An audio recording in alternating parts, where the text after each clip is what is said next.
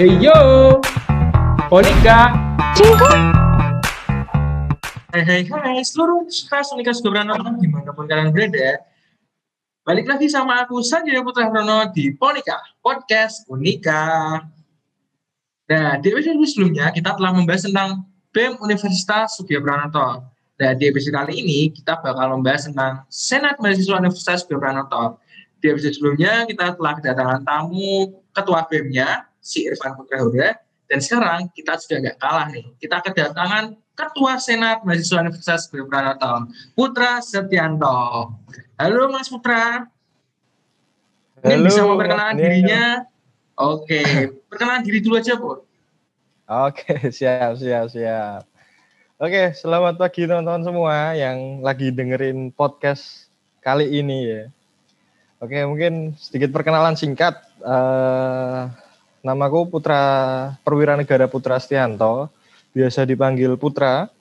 Eh, kali ini berkesempatan untuk bisa hadir nih eh, di podcastnya teman-teman Ponika ini dan kebetulan juga eh, sedang menjabat sebagai ketua SMU di Unika Sugiyo Pranoto. Gitu Mas Oke. Daniel. Mantap, mantap. Gimana kabarnya Mas Putra? Baik-baik aja kan? Sehat-sehat kan? Luar biasa. Puji Tuhan sehat, puji Tuhan. Oke. Oh iya. Bicara soal SMU. SMU itu apa sih? Mungkin bisa Oh. dikasih sedikit. Oke, oke, oke. Siap, siap.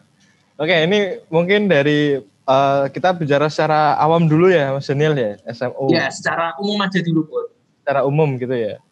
Mungkin SMU ini kalau secara umum teman-teman yang sedang dengar ini bisa dibayangkan SMU ini sebagai eh, lembaga legislatifnya di pemerintahan gitulah. Sebenarnya contohnya gitu kalau secara umumnya. Jadi kayak saya DPR-nya di sebuah pemerintahan gitu.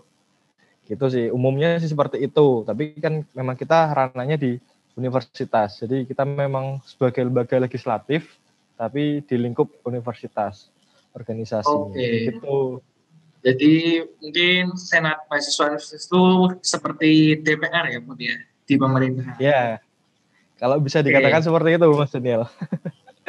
Berkata tentang DPR. Bedanya sama BEM itu apa sih? Oke. Ya, eh sebetulnya hampir mirip ya kalau di kalau di dunia politik gitu. Ada lembaga legislatif, ada yang membuat peraturan dan ada juga lembaga eksekutifnya yang eh, melaksanakan atau yang misalnya membuat programnya gitu, melaksanakan programnya. Nah, BEM itu eh, sama seperti membuat program, sama seperti eksekutornya. Nah, itu jadi kita apa ya bisa dikatakan jalan beriringan, cuman beda lembaga. Kalau BEM itu lembaga eksekutif, jadi yang mengeksekusi eh, setiap program kerja yang sudah direncanakan, setiap kegiatan yang sudah eh, disusun. Nah itu badan eksekutif yang mengeksekusinya, yang melaksanakannya gitu, Mas Daniel. Oke. Bicara tentang Senat Mahasiswa Universitas dan juga BEM Universitas. Menurut kamu, Put, Ya. penting nggak sih Hmm. hubungan antara kedua itu? Antara kedua organisasi kemahasiswaan tingkat univ itu? Eh, kalau bicara penting ya pasti penting, Mas Daniel, karena ya kalau berkaca juga ya di pemerintahan, kalau misalnya DPR sama eh, pemerintahannya nggak ada hubungan yang baik, kan sulit sih pada Oke, bertengkar terus kan. Ya benar banget. benar banget. Jadi memang Gitu kita berjalan seiringan ya antara SMU dan juga. Betul. Betul sekali, betul, betul. Oke, kita pindah ke lain topik. Um, Hmm, Nah, masih sama dengan Senat Mahasiswa Universitas, gimana sih cara masuk ke Senat Mahasiswa Universitas di Unika? Oke. Mungkin ini aku kasih kisi-kisinya ya. Mungkin kalau ada teman-teman yang dengar podcast eh, kali ini yang pengen join nih ke Senat Mahasiswa Universitas eh, Katolik Pranoto. Oke, Nah, mungkin ada beberapa beberapa syarat nih sebelum teman-teman eh, diterima atau nanti mau mendaftar gitu. Mungkin pertama teman-teman bisa cari tahu dulu tuh apa sih Senat Mahasiswa Universitas mungkin di websitenya Unika gitu ya atau Iya, benar. di internet itu ada tuh Senat Senat Mahasiswa Universitas tugasnya apa fungsinya apa itu di situ ada Terus mungkin teman-teman juga bisa prepare prepare diri uh, tentang aku nanti mau masuk di komisi apa ya di senat gitu. Nah, okay. Jadi sebelum sebelum teman-teman mau mendaftar tuh sudah ada gambaran dulu tuh di pribadinya itu. Pengen ngapain tuh di senat gitu kan. Nah, kalau sudah nemu, sudah nemu tujuannya, lalu uh, baru tuh kita melihat standar standar-standar yang mungkin teman-teman senat nanti terapkan saat open recruitment gitu. Ya mungkin beberapa hal contohnya seperti IPK minimal 2,75 gitu. Terus teman-teman yang mau mendaftar juga uh, minimal sudah mengikuti LKTD gitu kan. Ya. Terus habis itu ada menyertakan CV. Nah, itu mungkin beberapa hal yang uh, teman-teman juga harus persiapkan kalau mau join ke Senat mahasiswa universitas. Gitu sih Mas Daniel. Oke. Dan itu bisa langsung dilihat di IG dari SMU sendiri ya, Mut ya? Bener banget, bener banget. Di IG SMU okay. kita juga berusaha jelasin tuh apa namanya syarat-syaratnya. Kita juga menjelasin uh, sedikit fungsi Senat Mahasiswa Universitas tugasnya apa aja sih. Teman-teman juga bisa lihat tuh di IG-nya senat mahasiswa universitas gitu. Oke, bicara tentang open recruitment, kita sekarang ini sedang uh. open recruitment ya Bu ya. Cuma nanti mungkin episode kali ini tayang setelah kita telah menemukan jati diri, eh kok jati diri, menemukan penerus-penerus kita. Eh, eh, eh benar benar benar banget. Kita sekarang juga lagi jadwalnya open recruitment nih. Berarti ini tayang berarti setelah itu ya, setelah kita operasi selesai ya. Iya, benar banget. Jadi kita udah dapat orangnya, episode kali ini baru tayang. Oke, ya mungkin nanti teman-teman yang mau daftar di periode berikutnya tuh bisa nanti cari-cari tahu dulu atau mungkin bisa dengerin podcast ini apa sih itu senat itu kan. Oke. Okay. Itu syarat-syaratnya apa aja gitu kan. Mungkin sedikit kita bahas di sini gitu. Ya benar banget. Oke tadi bicara tentang kamu bilang tadi kita harus punya tujuan masuk ke sebuah organisasi. Nah kalau hmm. boleh aku tahu nih tujuan kamu masuk dari sini itu apa sih? Terus kamu okay. kok menjabat, ingin menjabat menjadi ketua juga itu gimana sih? Kenapa? Oke okay, oke okay, oke. Okay. Nah ini flashback ya flashback ke belakang. Ya flashback ke belakang nih kita nih. Uh, oke. Okay uh, tujuanku pertama sih waktu itu sebetulnya pas itu sebelum daftar senat aku memang nggak nggak disibukkan ya nggak disibukkan dari apa kegiatan apa apa jadi lagi vakum organisasi pas itu. Masih kupu-kupu ya Bud ya? Juga. kenapa? Masih kupu-kupu ya? Masih kupu-kupu masih kuliah belum pulang, belum. eh, belum kura-kura kuliah rapat kuliah rapat ya. Benar banget. Lanjut Uh, tapi sebelumnya uh, pas awal-awal semester 1 2 malah uh, jadi aktivis dulu, pernah jadi senat muda di fakultas. Oke, okay, senat angkatan muda ya. Hmm, tapi semester 3 4 uh, sempat vakum, terus habis itu semester 5 tuh uh, ceritanya mungkin cerita sedikit ya juga ya, Mas Daniel. Oke, jawab apa cerita aja, Bu. Uh, mungkin nanti okay, ada okay. cerita sama juga dari teman-teman. Oke, okay, benar Uh, jadi masuk semester lima itu ditawarin, ditawarin sama senat fakultas yang menjabat saat itu. Gitu. Oke. Okay. Kebetulan aku dari fakultas psikologi kan, ditawarin tuh sama teman-teman senat fakultas. Uh, Kak mau nggak nih join untuk uh, senat unifnya gitu. Terus ya, untuk mewakili aku, ya. Eh, kaget kan, Duh, kenapa aku gitu? yang lainnya yang lainnya ada gitu kenapa kok aku yang diajak gitu kan terus okay. ya mungkin apa ya uh, dari teman-teman lihat juga pernah jadi senat gitu mungkin akhirnya coba lah biar bisa mewakili fakultas gitu mungkin gitu ya pikiranku kemarin itu terus habis itu ya coba ditunggu dulu lah aku pikir-pikir dulu gitu diskusi dulu. Oke. Okay. Sebenarnya nggak nggak nggak pingin sih nggak pingin nggak ada kepinginan untuk mau join saat itu. Nggak ada ya, gambaran okay. mau join gitu kan. Terus ditawarin sekian akhirnya mm, setelah sekian lama terus kok kelihatannya ada minat ke situ. Okay. pikir kok ada minat ke situ. Berarti ingin mengarah ke situ. Ah, ah, benar benar. Akhirnya cari tahu tuh. Cari tahu senat itu apa buka-buka instagramnya senat kan. Hmm, ya, terus iya, benar. Nah, terus nemu oh senat itu seperti itu toh badan legislatif toh tugasnya seperti ini seperti ini gitu. Ada komisi apa aja di dalamnya gitu kan. Terus dari situ ya udah uh, oke okay lah mau join mau nyoba join. Oke okay, coba aku join lah. Dan kebetulan aku join pas di pendaftaran hari terakhir kelihatannya. Jadi memang jadi banget itu. mengumpulkan hati dulu ya ya? Benar benar. Benar. Karena aku pribadi mikir kalau join ke suatu organisasi nggak ada niat-niat yang betul nggak ada apa ya motivasi yang benar-benar kamu ingin berkembang, ingin mengubah sesuatu, jadi percuma gitu join ke sana kan. Ya benar banget. Nah itu ya, itu jadi kunci utama tuh. Kalau kamu udah mau bener. berkembang, mending nggak usah masuk organisasi. Betul betul. Jadi aku berusaha apa mengumpulkan niat, mengumpulkan motivasi.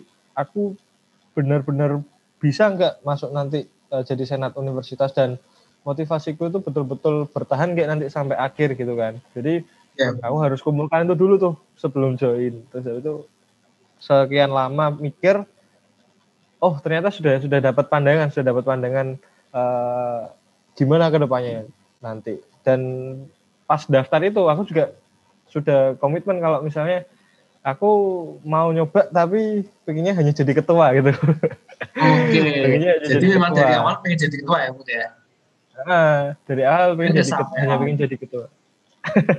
Okay, Puji tuanya sampai ketua ya mungkin dari teman-teman yang nonton ini mungkin ke depannya mungkin bisa sama juga kayak Putra betul, betul, harus betul. mengumpulkan niat harus mengumpulkan motivasi dan langsung ingin menjadi ketua wah gila keren banget sih nah. kan ya, gimana mana ya gimana gimana hmm. karena aku gimana, mikir gimana? kalau misalnya uh, pengen mengubah sesuatu kita agak dari atas gitu ya agak gak megang di kedudukan yang tinggi itu sulit gitu kan karena uh, setiap keputusan setiap kebijakan kan mesti dibuat sama orang yang paling tinggi jabatannya di situ. Ya, jadi aku punya pemikiran seperti itu gitu. Kalau aku pengen mengubah sesuatu, jadi aku harus duduk di paling tinggi gitu. Salah satu gitu, pemikiran maksudnya. yang sangat baik gitu. Kan karena di mana-mana ya put yang aku tahu orang-orang mahasiswa yang daftar ke organisasi mahasiswa tuh pengennya jadi anggota aja gitu sedikit iya, banget iya. orang yang mendaftar buat jadi ketua A. Mm-hmm. Nah, bicara tentang seperti itu ya.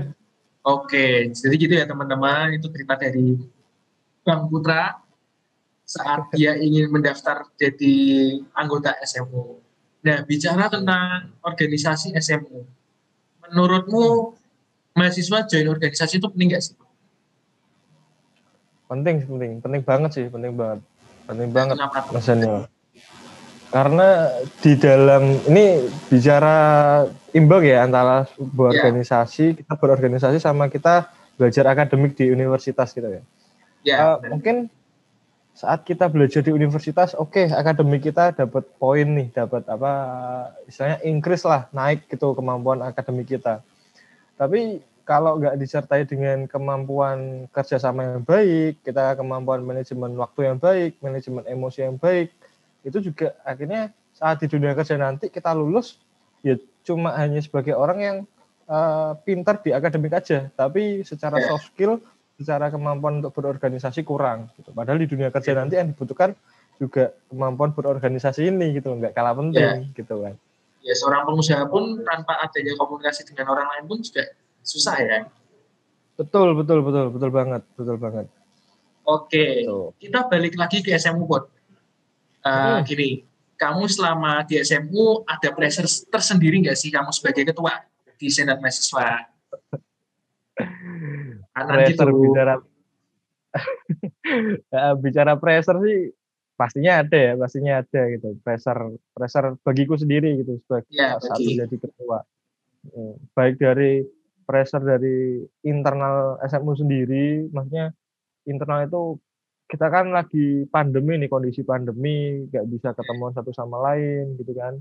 Ada yang jaraknya jauh juga. komunikasi ya.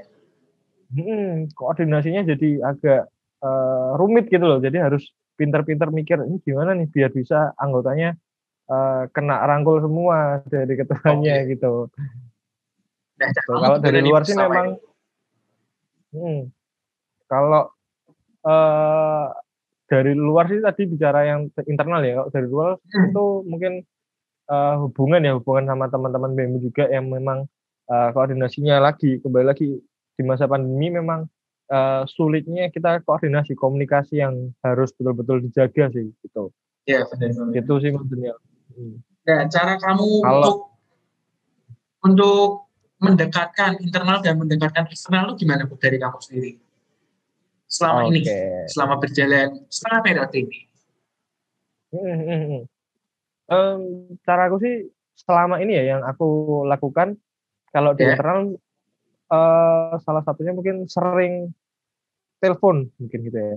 Sering telepon hmm. mungkin ke masing-masing komisi aku ajak ngobrol gitu pendekatan bonding gitu ya sama teman-teman berkomisi. Mungkin uh, masih belum sempurna, masih belum sempurna tapi sebisa mungkin aku usahakan seperti itu. Karena uh, aku aku berpikir saat nanti ketuanya juga tidak jalin komunikasi antara satu dengan yang lainnya, itu kan akan apa ya akan timbul kayak uh, kecemburuan mungkin ya, mungkin akan timbul kecemburuan. Iya, benar. Untuk menghindari itu, makanya aku berusaha untuk ya luangkan waktu lah. Mungkin kita bisa meet sama komisi satu, komisi dua dan lain sebagainya. Jadi akhirnya komunikasinya di internal uh, bisa sedikit-sedikit terjaga gitu. Okay. Kalau untuk yang eksternal, kalau untuk eksternal sih lebih ke kita sering-sering uh, itu ya diskusi lewat grup gitu. Kalau ada apa-apa mungkin uh, sama teman-teman BEMU lebih sering koordinasi sama ketuanya. Jadi yang yeah. dihandle kan enak kalau koordinasi langsung tuh sama ketuanya biar yeah, anaknya langsung uh, bisa dipegang gitu kan. Gitu sih Mas Daniel. Oke. Oke, jadi memang memang apa ya? Yang namanya ketua itu memang harus bisa merangkul ya, Bud ya. Jadi kamu jadi ketua pun nggak boleh asal lepas saja gitu ya. Jadi kamu tetap harus mengawasi juga, kamu harus bisa ikut campur dalam setiap komisi gitu ya. Ya. Iya, betul betul. Oke. Bicara tentang ketua SMU Putra Setianto. Gimana sih? Mungkin kamu bisa ngasih tips buat gimana sih caranya mahasiswa yang tergabung di organisasi mahasiswa, apalagi menjadi hmm. ketua, membagi waktu antara organisasinya dan juga kuliahnya. Gimana nih, Dan mungkin juga dengan kegiatan di luar kampus. Gitu. Hey yo, Monika. Cinta.